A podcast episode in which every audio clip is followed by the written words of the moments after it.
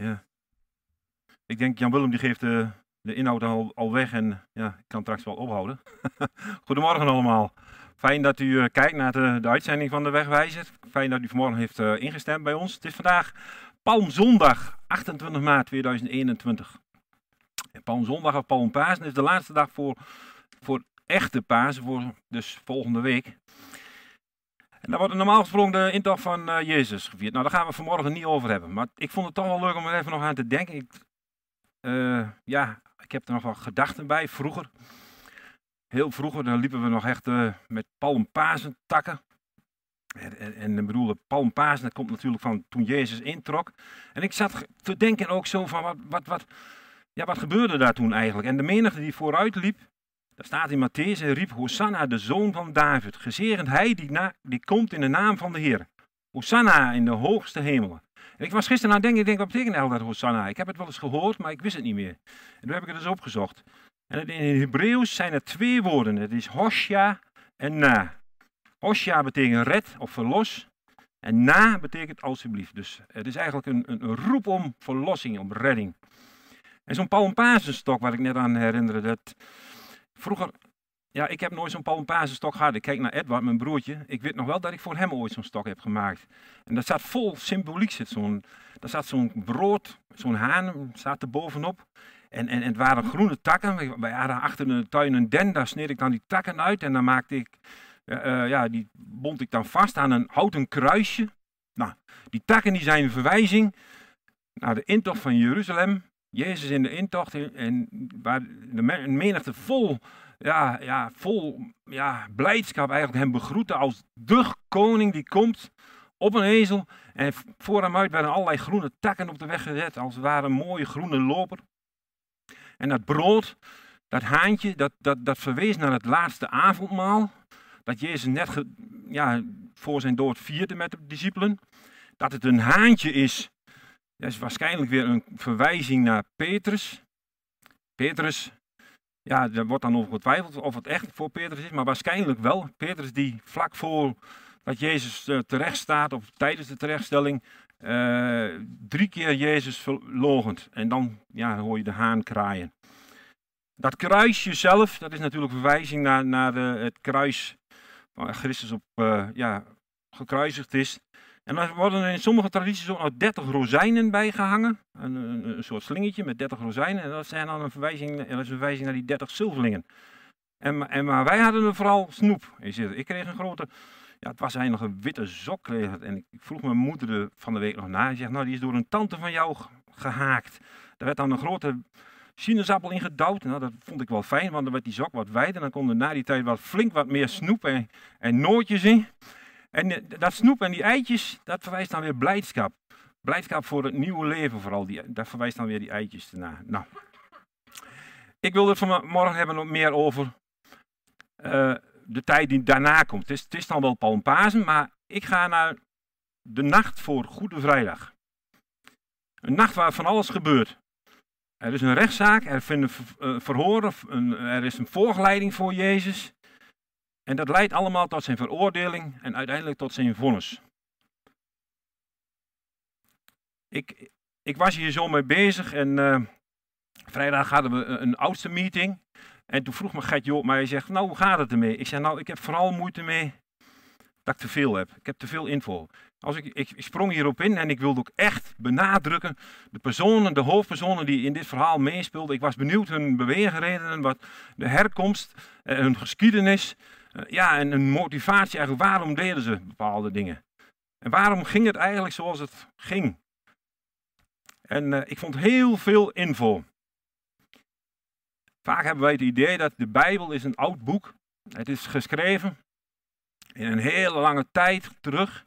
En de personen die erin voorkomen, ja, sommige mensen twijfelen zelfs, zijn, hebben ze ooit echt bestaan? Zijn het wel echte personen? Maar juist in deze tijd, waar dit afspeelt, in de tijd van de Romeinen, was, werd het heel goed gedocumenteerd. Er waren echt geschiedschrijvers en die, die wisten van de, ja, van de hoed en de rand.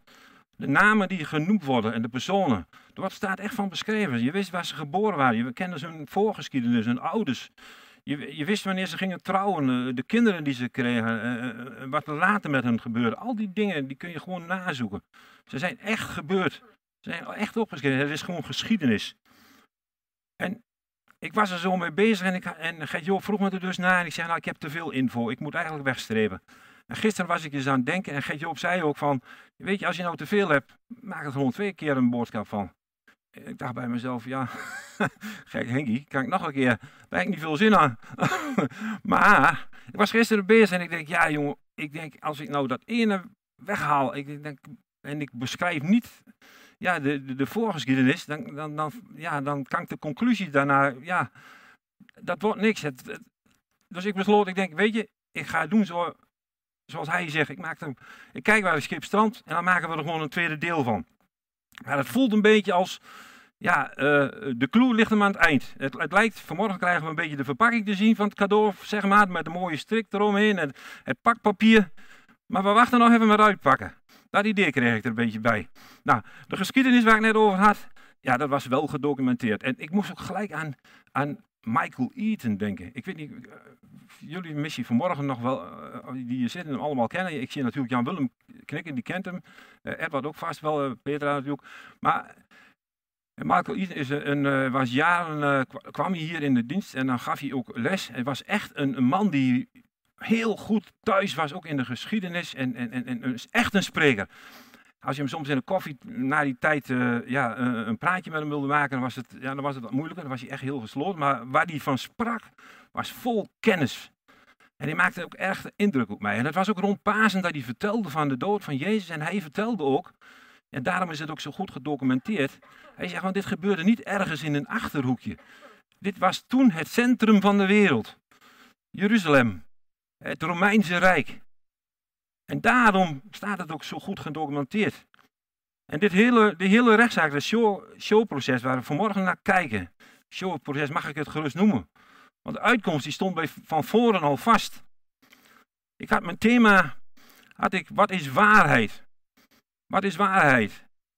En ik denk bij mezelf, of ik, ik werd gebeld door, uh, Nee, ik, kreeg een mailtje van Lisette en ze zegt, wat is het thema? Ik, ik, ik, ik had dat heel de tijd al in gedachten, wat is waarheid? Ik wist ook gelijk waar ik naartoe wilde.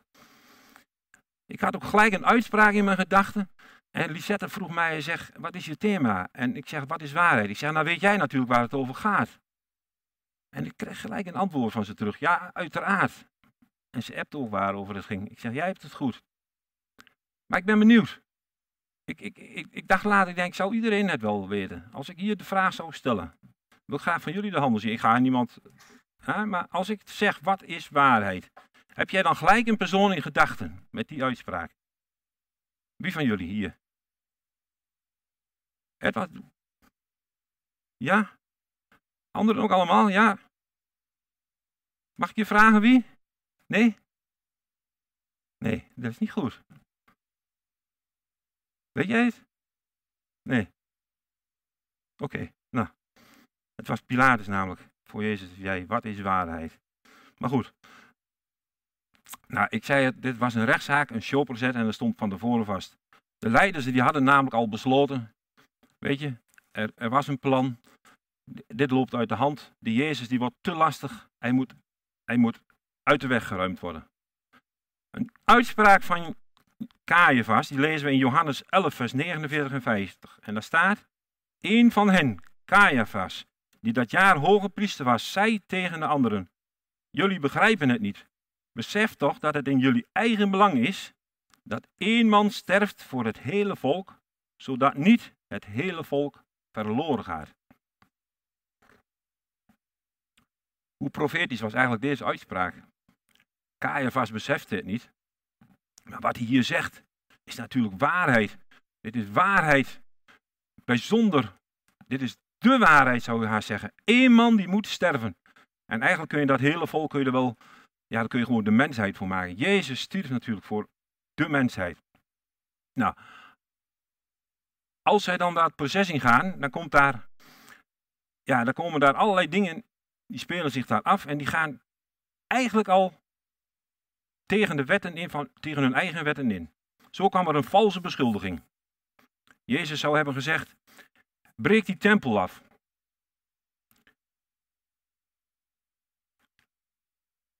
Het stond van tevoren. Zijn onschuld. Kijk, normaal is het zo: je bent pas schuldig als je schuldig bevonden wordt. Daarvoor ben je onschuldig. Dat was daar niet. Van tevoren stond vast, hij zou schuldig bevonden worden. Er werden valse getuigenissen tegen Jezus gezocht. En er was geen gelegenheid voor verdediging. Die werd niet gehoord. Jezus moest het alleen doen. En het gebeurde heimelijk s'nachts in het huis van de hoge priester, terwijl het eigenlijk in, het, in de rechtszaal had moeten gebeuren in het Sanhedrin. Sanhedrin betekent de Grieks in het samenzitten. Daar komen normaal de, de mensen bijeen en dan komen de rechters en dan wordt er echt een proces gevoerd. En dan gaat het zoals het moet gaan. Er wordt gevraagd, er, er, er, wordt, eh, er wordt gelegenheid om te getuigen, voor zowel voor de aanklager als voor de verdediging. En dan vindt er een uitspraak plaats. Dat gebeurde hier allemaal niet. Het moest snel gebeuren, het moest in het geniep gebeuren. Het gebeurde s'nachts en niet daar op de plek waar het zou moeten gebeuren. En al tijdens dat showproces wordt het duidelijk, dan roept de hoge priester ook uit. Waarom hebben we nog getuigen nodig? Wie hebt de godlastering gehoord? Wat is uw oordeel? En dan wordt hij schuldig bevonden. En dat kon alleen als iedereen daarmee instemde. En dan kun je ook, kun je ook alweer vragen tegen stellen, gebeurde dat? Zo weten we van, bijvoorbeeld van Jozef van Arimathea en van Nicodemus, twee leden van die, van die hoge raad in het Sanhedrin, dat zij ja, eigenlijk vrienden, sympathisanten van Jezus waren. Hadden zij daarmee ingestemd? Ik denk niet dat ze daar aanwezig waren. Het wordt niet gedocumenteerd, maar ik geloof het niet. Ik denk dat hier ook weer de, de mensen bijeen waren die wilden dat Jezus veroordeeld zou worden. Dan gaan we naar de verhoren. Het verhoor begon door Annas. En Annas is een machtige ex-hoge priester. Eigenlijk had hij allemaal geen. Op dat moment was hij niet in functie. Hij had dus eigenlijk helemaal geen rol hoeven spelen, niet moeten spelen. Maar hij was nog zo machtig dat ze hem eerst hem ja, het eerste verhoor gunde. Hij had veel invloed. Hij was ook de schoonvader van de huidige hoge priester, van Caiaphas. En dan vindt het verhoor daar plaats. Van Caiaphas is ook bekend dat hij een, een, een, een dag na uh, Pinksteren, dat hij Petrus en Johannes ondervraagt. Caiaphas. Nou, hij is dus de heersende hoge priester. En hij probeert bewijs te verzamelen voor de zitting van de Hoge Raad. Caiaphas die had een hele goede band met Pilatus. Dat is belangrijk om te weten hoe de verhoudingen zo'n beetje liggen. Hij, hij, heeft, hij was 18 jaar hoge priester in totaal. En hij verdwijnt pas van het toneel nadat Pilatus ook is afgezet door diens opvolger. Ze houden elkaar eigenlijk als het, als het ware de hand boven het hoofd. Het, na Caiaphas komt er verhoor door de Joodse Hoge Raad. Het is een formeel godsdienstig proces. En er vindt een veroordeling plaats tot de dood. Maar dan hebben ze een probleem. De Joden zelf mogen niet officiële doodsvonnissen uitspreken. Dat, dat moet gebeuren door de Romeinen. Israël was bezet door de, door de Romeinen. De Romeinen hadden de macht. Vonden prima dat er rechtszaken gevoerd werden. En er mochten ook echt wel misdadigers veroordeeld worden, maar niet doodstraffen. Dat recht had alleen uh, Rome. Dus daarvoor moesten ze naar Pontius Pilatus. Pontius Pilatus was de gouverneur van Judea.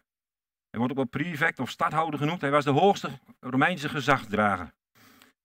En Pilatus die zat er al mm, nog niet zo heel lang, een paar jaar. En hij was gekomen in de plaats van de afgezette zoon van Herodes.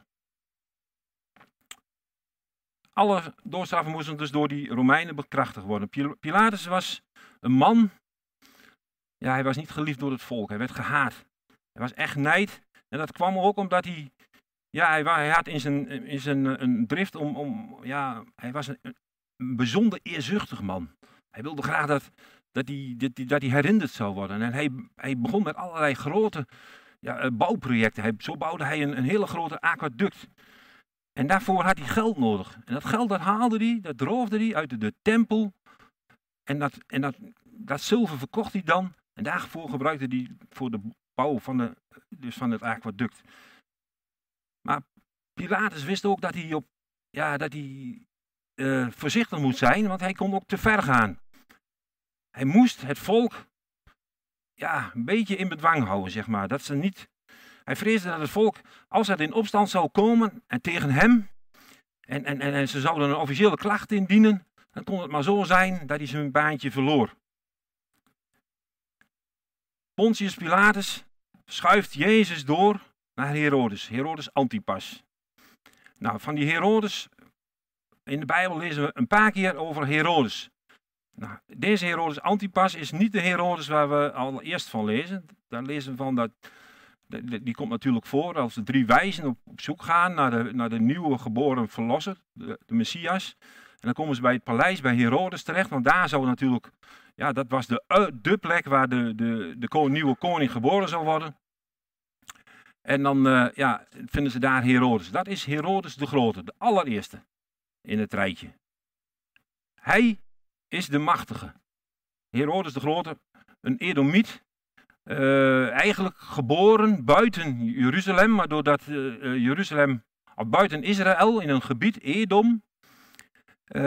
dat Edom betekent rood, dat is een gebied eigenlijk wat ja, buiten het echte land Israël lag. Het was, het was door de Israëlieten veroverd. Het was een gebied geworden ja, dat ingelijfd werd. Ze moesten voldoen aan de Joodse regelen. Maar de Joden zelf vonden het een gebied. Ja, het, het hoorde bij Israël, maar het hoorde ook eigenlijk niet. Het hij werd ook gezien als een vreemdeling. Hij was dan wel Jood, hij was opgevoed volgens de Joodse tradities. Maar toch bleef hij een vreemdeling. Hij was bijzonder vreed. Nou, van, de, dus van die wijzen weten we dat ze naar uh, Bethlehem trokken, uiteindelijk de ster achterna. Ze wisten Jezus te vinden, maar in een droom gewaarschuwd om niet terug te gaan naar Herodes, gingen ze naar een andere weg teruglezen in de Bijbel. En dan vindt hij die moord plaats. Zo wreed is Herodes. Hij laat een compleet dorp, daar laat hij kinderen van uh, tot twee jaar toe, uh, tot en met twee jaar laat hij allemaal doodmaken. Alleen omdat hij bang is, daar zal wel de toekomstige koning tussen zitten. Nou, hij is zo vreed dat hij zelfs niet uh, terugdeinst om zijn eerste vrouw en zelfs drie van zijn kinderen, waarvan ook de oudste van zijn zoon, vermoedt hij dat, hij, uh, ja, dat ze tegen hem, ja, eigenlijk tegen hem spannen van dat, hij, dat zij koning wilde worden. En, en, en die laat hij vermoorden. Zonder, zonder schroom. En dan is daar keizer Augustus die zegt, je kunt beter Herodes varken zijn dan zijn zoon. Zo, zo erg was die man. Hij was dan wel opgevoed als, als, als, als Jood, maar hij kwam zonder vooraanstaande, uh, hij was niet uit de vooraanstaande familie, hij was geen belangrijk man, maar hij wist zich op te werken tot, tot koning. En hij werd wel eens tegengewerkt door hoge priesters. En, en, en, en die zenden hem niet. Die hadden wetten, die hadden regels. En toen begon hij zijn eigen uh, clubje maar. En hij, hij besloot dat hij zou voortaan ook hoge priesters mogen benoemen en afzetten. Hij gaf zichzelf ook de rang hoge priester. Hij hulde dus met de vijand, hij legde zware belastingdruk op en hij, zo liet hij bijvoorbeeld tijdens een proces wat hem niet aanstond, 45 van die uh, Joodse mannen in de Hoge Raad liet hij zomaar vermoorden omdat ze tegen hem waren. Nou, hij bouwde de tempel. De tempel van Herodes wordt het genoemd. Een, een prachtwerk, waar, waar je zou denken van nou, daar zouden de Joden blij mee zijn. Ja, dat waren ze. Die tempel die bouwde die, maar dan hing die weer boven de ingang van de tempel, hing die daar een Romeinse adelaar. Dat was natuurlijk weer tegen het zere been van de Joden. Dat was in hun ogen godslastering. Een beeld van de, van de macht die hen had bedwongen, die hen had overwonnen, daarbij de ingang van de tempel. En het was godslastering ook, omdat Joden geloofden, je mocht geen afbeelding maken van ja, personen op aarde, die, of dat nu dieren waren of mensen. Hij deed het. Uh, ook weten we van hem dat hij een paleisvesting, Masada, bouwde, een burcht. Ik weet niet of je die miniserie ooit gezien hebt. En uh, toen Jeruzalem viel in 70 na Christus, was het die burcht Heel hoog gebouwd aan de, aan de Dode Zee. Had je een prachtig uitzicht. Maar het was moeilijk in te nemen. En de, de Romeinen hebben er uiteindelijk drie jaar over gedaan om die burcht uit in te nemen. En daar waren toen op dat moment 960 personen aanwezig. En toen het ingenomen werd, hadden ze zich allemaal zelf van het leven beroofd. Niemand wilde zich overleveren destijds aan de Romeinen. Nou, Hij bouwde zelfs een stad voor hem, 12 kilometer onder uh, Jeruzalem. Dat noemde hij Herodium. En natuurlijk was dat een stad vol met luxe, een luxe paleisburg. En uh, ja, de Joden die moesten dat maar betalen. Die moesten het, de tollenaren moesten het geld maar innen. En zij, hij, kon daarvan genieten. Zij moesten krom liggen. Nou, deze Herodes. De Herodes de Grote. Was zo breed, zo breed. En hij, hij wist het, hij wist het. Hij wist dat, zijn, dat het Joodse volk hem niet mocht. En hij dacht, als ik nog graag sterf, dan zullen ze zich verheugen en ze zullen allemaal met me spotten. En dat moet ik voorkomen. Wat deed hij? Hij nam van ieder vooraanstaand lid in, in Israël, nam hij één iemand gevangen. Hij zette hem in, gevangen in een, uh, in een hippodroom, een, een, een grote renbaan. Als, iedereen die de geschiedenis of die de film gezien heeft van Ben Hur, die weet dat wel. Zo had je van die hele grote renbanen, een soort groot stadion. En daar liet hij die mensen in opsluiten. En hij had bevel gegeven aan zijn zus, die de macht zou krijgen na hem. Als ik gestorven ben, op dat moment moeten jullie ze doden. Hij wilde dat de leed van hem, dat het net zo voelbaar was voor iedereen. Voor de normale mens op straat. Nou, we gaan verder. Herodes Antipas. Dat was de zoon van Herodes de Grote. Een Romeins viervorst van Galilea en Perea. Hij bouwde de stad Tiberius. Viervorst wordt het genoemd. Het gebied na, of uh, de heersers na Herodes, uh, die waren zonder, zonder macht eigenlijk, veel minder.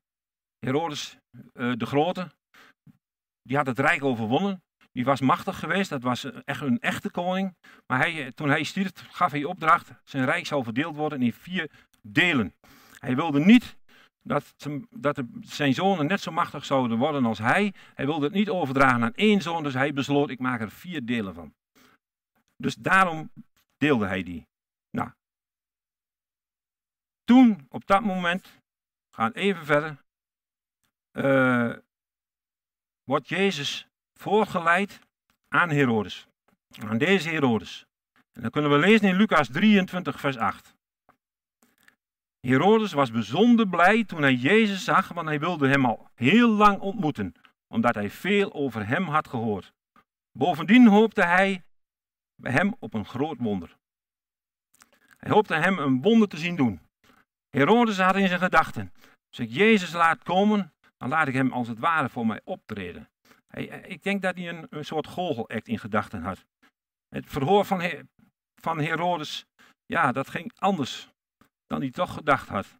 Het werd geen goochelact.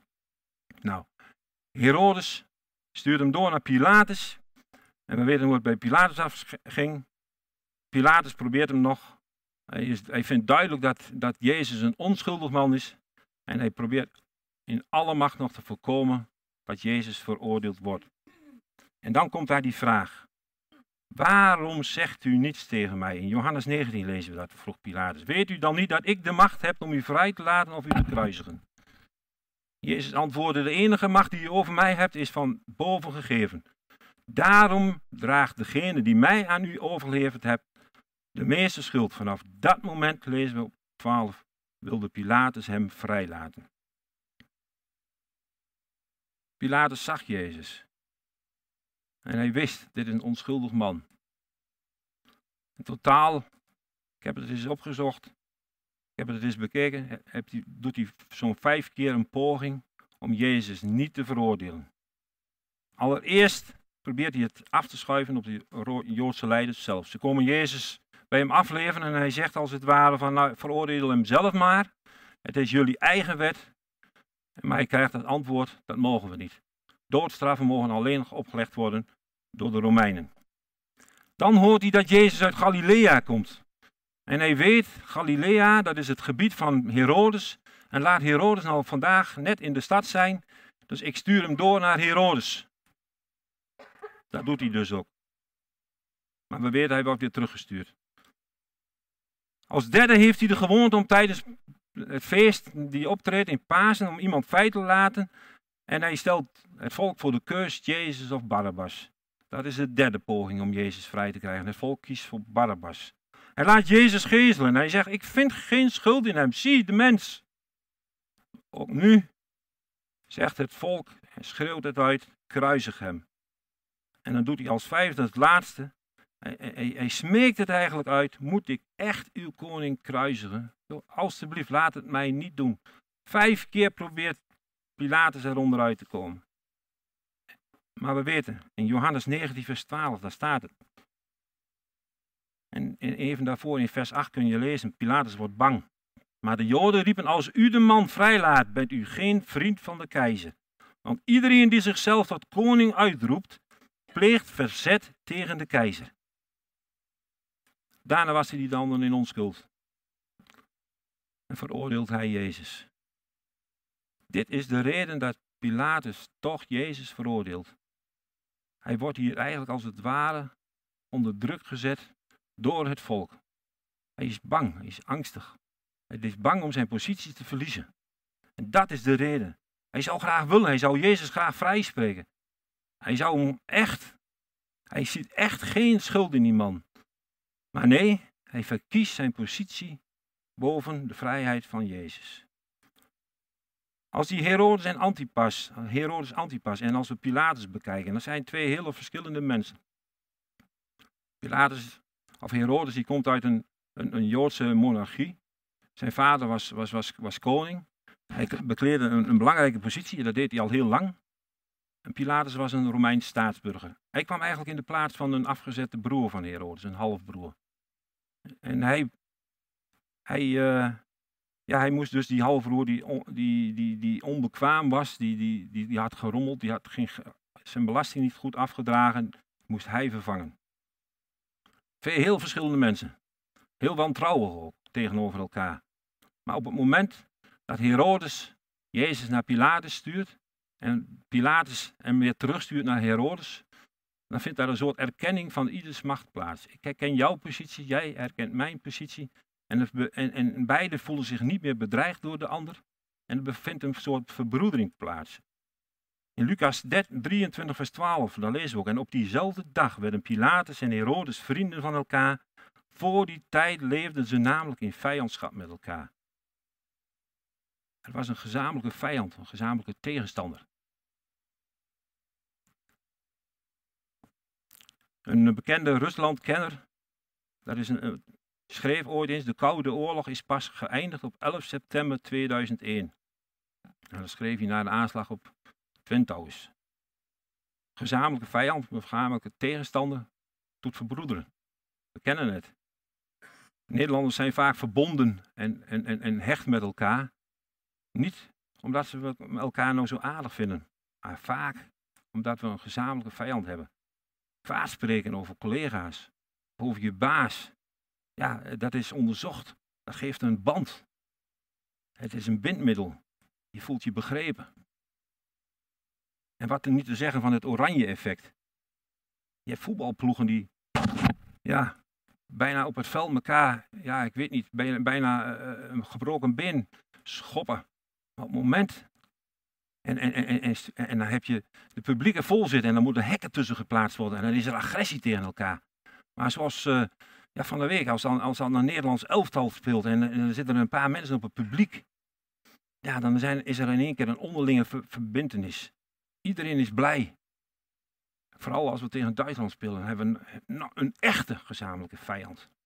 Nou, in dit geval lijkt die gezamenlijke vijand niet zozeer Jezus, maar de opinie van het volk. Wat vindt het volk? En, en, en, en als het volk echt tegen hen is en zich, en, en zich naar Rome wendt, wat zal Rome doen? En daar zijn ze bang voor.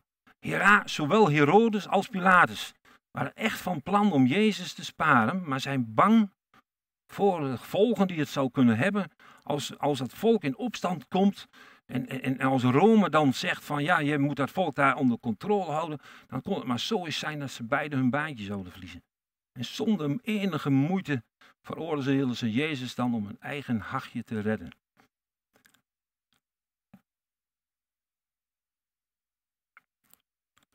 Als we lezen in, eh, in, in, eh, in Handelingen 4, vers 26, dan is het na Pinksteren, dan wordt Jezus, onder, of Petrus wordt ondervraagd door het erin, dan zegt hij, de machthebbers van deze wereld hebben hun hoofden bijeengestoken en de leiders spannen zich samen tegen de Heer en zijn gezalfde. En dat is nu precies wat hier in Jeruzalem gebeurt. Herodes en Pontius Pilatus hebben samen met de volken van Israël en Rome de handen ineengeslagen om te strijden tegen uw dienaar Jezus. En daarmee doen zij wat in uw wijze macht van tevoren had bepaald. Wat uw wijze macht van tevoren had bepaald. Hier is het duidelijk. Het is de macht. Het is de macht die tegen Jezus spannen. En, en, en, en al willen Herodes en Pilatus niet. Ze waren tegen Jezus.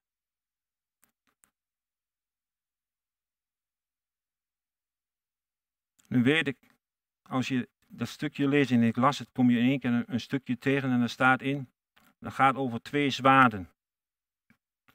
En je zou kunnen denken dat daar staat van, uh, ja, zorg dat je je, eh, zwaard bij hebt. En, en, en, en je zou het kunnen opvatten als een soort roep om, om geweld. Maar we weten dat Jezus nergens, nergens oproept om tot gewapend geweld. In Lucas 22, vers 35. Dat was als Jezus daar spreekt, tot, tot Petrus vooral, en hij zegt tegen hem van voordat de haan kraait zul je mij driemaal verloren hebben. Dan spreekt hij verder en dan zegt hij de volgende regel. Hij zegt, eerder zond ik jullie uit zonder geldbeulen, reistas en sandalen. Maar nu, zegt hij een eindje verder, maar nu zend ik jullie uit met geldbuidel, reistas en zwaard. Jezus roept niet zozeer op tot geweld. Wat hij hier wil zeggen is, weet je, toen je de allereerste keer voor mij op pad ging, toen ging je misschien op pad en je werd gastvrij ontvangen, je werd vriendelijk ontvangen, je had geen tegenstand, je kreeg overal te eten, onderdak zelfs. Maar nu zegt hij, maar nu zegt hij, ze hebben de meesten vervolgd, ze hebben mij vervolgd, ze zullen jullie vervolgen. Reken op tegenstand. En dat is die verwijzing naar dat zwaard. Een slaaf staat immers niet boven zijn meester. Ze hebben mij vervolgd, ze zullen ook jullie vervolgen. Nou, tot hier kun je denken, het gaat om macht. Maar we weten, de overwinnende christen, die vecht niet voor de overwinning. Hij viert de overwinning door Jezus Christus al beantwoord. En als dan Jezus voorgeleid wordt, dan is antwoorden op de vraag van Pilatus. En dan zegt Jezus daar in Johannes 18, vers 36. Mijn koningschap hoort niet bij deze wereld. Als mijn koningschap bij deze wereld horen, hoorde, zou mijn, zouden mijn dienaren wel gevochten hebben om te voorkomen dat ik aan de Joden werd overleverd. Maar mijn koninkrijk is niet van hier. Het is een strijd tussen het rijk van de duisternis en het koninkrijk van het licht. Het is een oorlog tussen de vader van de leugen en de geest van de waarheid, lezen we in Johannes. Onze strijd is geen fysieke strijd om macht, maar een geestelijke strijd om de waarheid. Thomas Broek, een Engelse predikant uit de 17e eeuw, die schreef: Als God mijn vriend niet zou zijn, zou Satan niet zozeer mijn vijand zijn. In Efeze 6, vers 12 lezen we ook heel duidelijk: Onze strijd is niet gericht tegen mensen, maar tegen hemelse vorsten, de heersers, de machthebbers van de duisternis, tegen de kwade geesten in de hemelsferen. Neem daarom de wapens van God op om weerstand te kunnen bieden op de dag van het kwaad, om goed voorbereid stand te kunnen houden. En houd stand staat aan 14. Daar wordt een hele leger aan wapens op genoemd, maar houd stand met de waarheid als gordel om de heuvel. Als eerste wordt daar de waarheid genoemd. Als wapen tegen de leugen. En dan vraagt Pilatus aan Jezus, wat heb je dan eigenlijk gedaan? En dan zegt Jezus in Johannes 18, ik ben geboren en naar de wereld gekomen om van de waarheid te getuigen. En ieder die de waarheid is aangedaan, of toegedaan, luistert naar wat ik zeg. En hierop zei Pilatus, maar wat is waarheid? Dit is de vraag waar het mij eigenlijk om gaat. Als je Pilatus hier hoort vragen, maar wat is waarheid? Moest gelijk denken, ja, die van mij of die van jou? Pilatus vraagt die vraag wel. Maar ik denk niet dat hij op een antwoord rekende. Je leest ook, hij draait zich gelijk om na die tijd naar het, naar het volk. Wat is waarheid? Is het jouw waarheid of is het mijn waarheid? Vroeger was het heel duidelijk. Ik weet nog in mijn tijd, toen ik nog wat jonger was en je las de krant, dan was het gewoon waar wat in de krant stond. En op het journaal, wat er gezegd werd, er was gewoon waarheid. Het journaal kon je aannemen, ja, wat op het journaal kwam. Maar tegenwoordig heb je niet één nieuwszender, maar je hebt drie, vier, vijf, tien, misschien wel twintig nieuwszenders kun je krijgen. Het is maar net waar je naar kijkt. Voor de hele wereld. En de ene nieuwszender is misschien net weer iets anders dan de andere nieuwszender. Wat is waarheid? Respect voor de dokter, oma Genta was vroeger nog. Meneer de president. Tegenwoordig is dat nog zo. Ik heb een mooi plaatje gevonden van een uh, parabel. Boeddhistisch parabel. Ik weet niet, mogen we hem zien? Uh, een groep blinde mannen komt voor het eerst een olifant tegen. De een voelt een been. En hij zegt dat is een boom. Een ander zegt, ik voel een slurf. Dat is een slang. Een derde zegt, ik voel de romp. Dat is een muur. En, als je, en een vierde, als je even kijkt, dan zie je dat. Een vierde die pakt hem bij de oren, die zegt, nou ik voel een matje. Een vliegend tapijt. En een ander die pakt een punt bij de, bij de tanden. Nee, het is een speer. En de laatste die zegt van, nou, die pakt hem bij de staart, het is een stuk touw. En in, in, in sommige verhalen gaat het, wordt het zelfs ruzie onderling. Niemand ziet het, maar het is wel een, een echte olifant. Als je zou kunnen zien, kun je zien, dit is een olifant. Maar als je niet op zoek bent naar de waarheid en je kijkt maar naar één klein stukje, je houdt vast aan je eigen interpretatie, hè? Dat, dat ding wat ik hier nu vast heb, dat is een touw. Nee, zegt de ander, het is een slang. Nee, het is een boom. Dan ben je niet op zoek naar de waarheid, maar naar op zoek naar je eigen interpretatie. Dat noemen ze gemotiveerd redeneren of doelredeneren.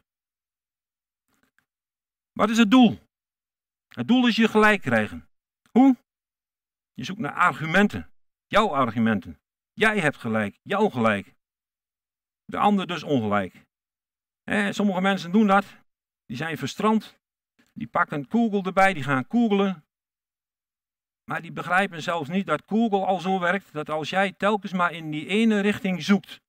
Jij ook die antwoorden krijgt in jouw richting. Als jij heel erg uh, gericht bent een bepaalde kant op, dan zal Google beseffen, hé, hey, hij zoekt telkens die kant, ik geef hem ook info uit die kant. Dus zo vind je eigenlijk alleen nog dat wat je zoeken wilt. Het is jouw gelijk, jouw, de uitkomst staat al vast. En als je dan terugkijkt naar het proces, dan is het bijna hetzelfde. De uitkomst staat vast. Er moet schuldig bevonden worden. Jezus moet schuldig bevonden worden. Getuigen voor de verdediging zijn er niet, want je vindt alleen dat wat jij zoeken wilt en dat, jouw bevestiging. Er is geen discussie. Je hoort niet de andere kant. Je wil er niet naar luisteren. En er is ook geen rechter die zegt van ja, dit is waar en dat is niet waar.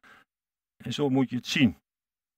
De rechter die zit er normaal gesproken, die heeft als doel om de waarheid te onderzoeken.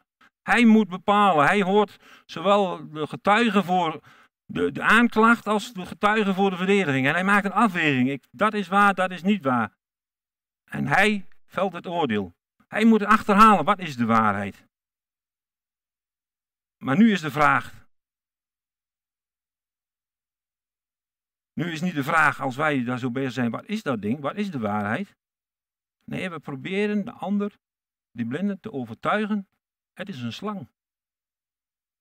Wat is dan het probleem? Het probleem is niet zozeer dat er geen olifant is. Het probleem is mijn ego. Ik wil overtuigen, het is een slang. Maar we weten allemaal, het is een olifant. Respect voor ieders waarheid is niet een teken van diepe waarheid, wijsheid. We kunnen gewoon zeggen van, ja weet je, we geven iedereen gelijk. die blinde, die, die, die ene blinde die heeft gelijk, die andere blinde heeft gelijk. Maar natuurlijk onzin. Het is geen speer, het is geen boom, het is geen muur, het is geen slang, het is gewoon een olifant. Een olifant blijft een olifant. Dus capituleren door te zeggen van je hebt gelijk, is gewoon capituleren aan een ego van iemand. Elkaars ideeën respecteren, dat klinkt volwassen, maar het houdt onzin in stand. Een slang is, of een boom is geen olifant. Nou, wij zijn natuurlijk gewend als, als gelovigen om, om, om, om ja, dingen te onderzoeken. En, en, en, en, een gelovige heeft ook op, oprecht altijd de zorg. Ja, gaat het goed? Wat kan er allemaal misgaan? de wereld die gaat soms de verkeerde kant op, we weten het. En, en, en we zijn wakker. Wij, wij, wij zijn wakker. Juist gelovigen zijn soms gevoelig voor complotten. Maar stel telkens de vraag: is mijn zoektocht naar antwoorden oprecht? Ben ik echt op zoek naar het hele plaatje? Wil ik een olifant zien? Stel ik mij nederig, bescheiden en, en liefdevol op?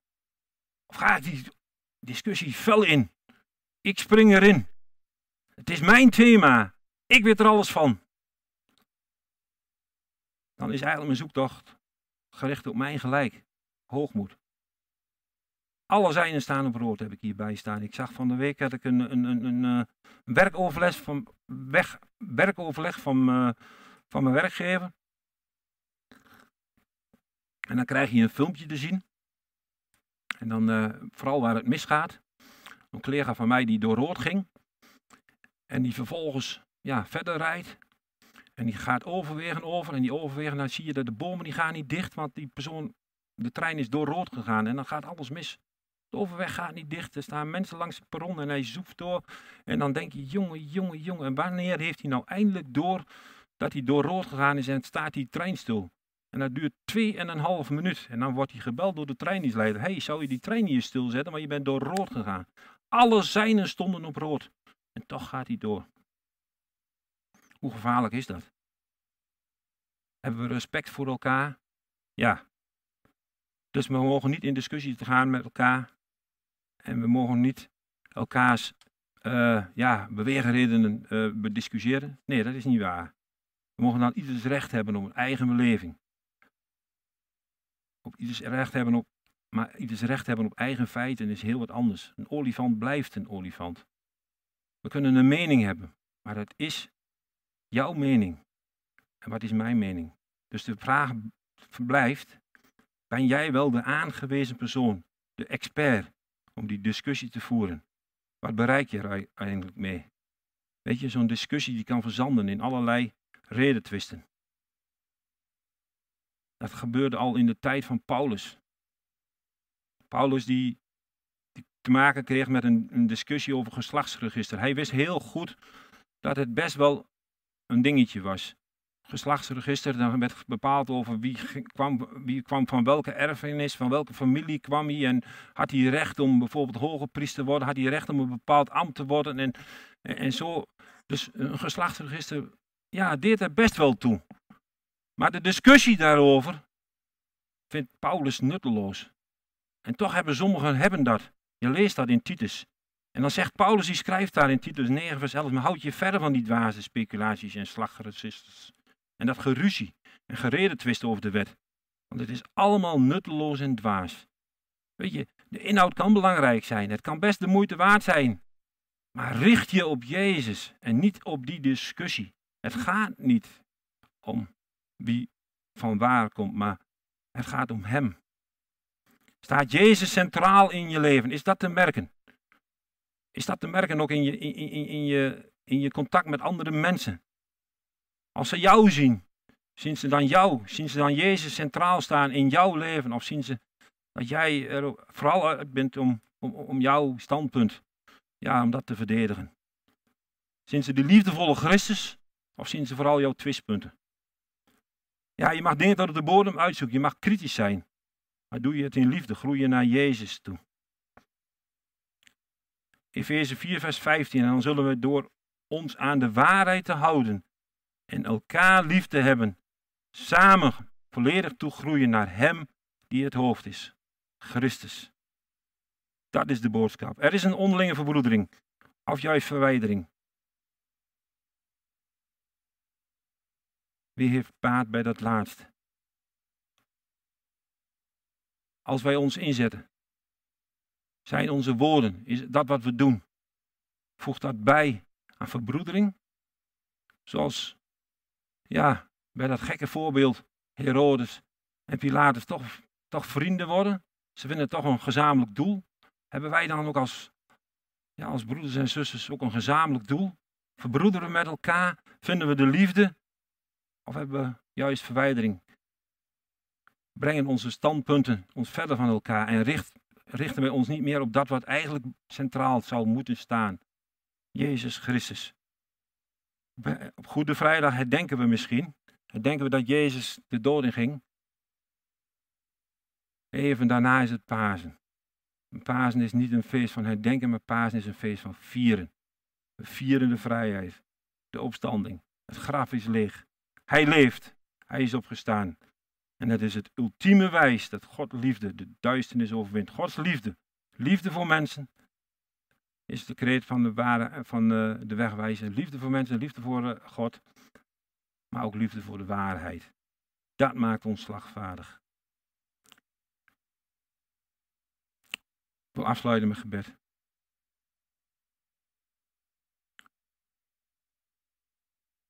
Liefde hemelvolle Vader, Heer. Dank u, Heer, dat, dat ik deze morgen tot u mag komen. U mag loven, u mag prijzen, u mag eren en aanbidden. Dat we ten diepste mogen beseffen, Heer. Dat alles wat we doen, Heer. En alles wat we kunnen, Heer. En het recht, Heer, om, om, om ook nu zelfs tot de troon van uw genade te naderen, Heer. Dat het komt, Heer, door dat ene werk wat u voor ons gedaan hebt op Golgotha. U, hebt, u bent voor ons gestorven, u bent voor ons opgestaan, u bent onze Heer, u bent onze heiland. En ja, Heer, u hebt het alles volbracht. Zonder u, Heer, was er geen verlossing mogelijk. Wat een geweldig beeld, Heer, is dat, Heer, dat u gestorven bent, Heer, voor de ganse mensheid. Caiaphas zei het al, wat is het? Ja, begrijpen jullie niet dat het veel beter is dat één persoon sterft dan dat het hele volk verloren gaat? U bent voor ons gestorven. U hebt het voor ons volbracht.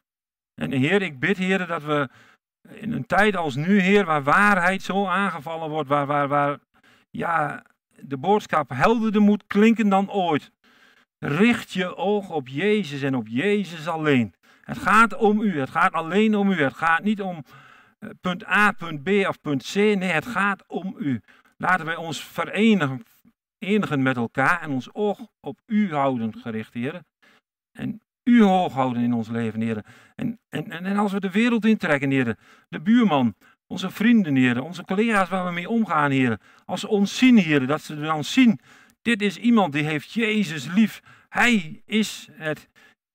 Ja, hij straalt het uit. Hij of zij, Heer die, die, die, die, die, die laat het zien in zijn leven.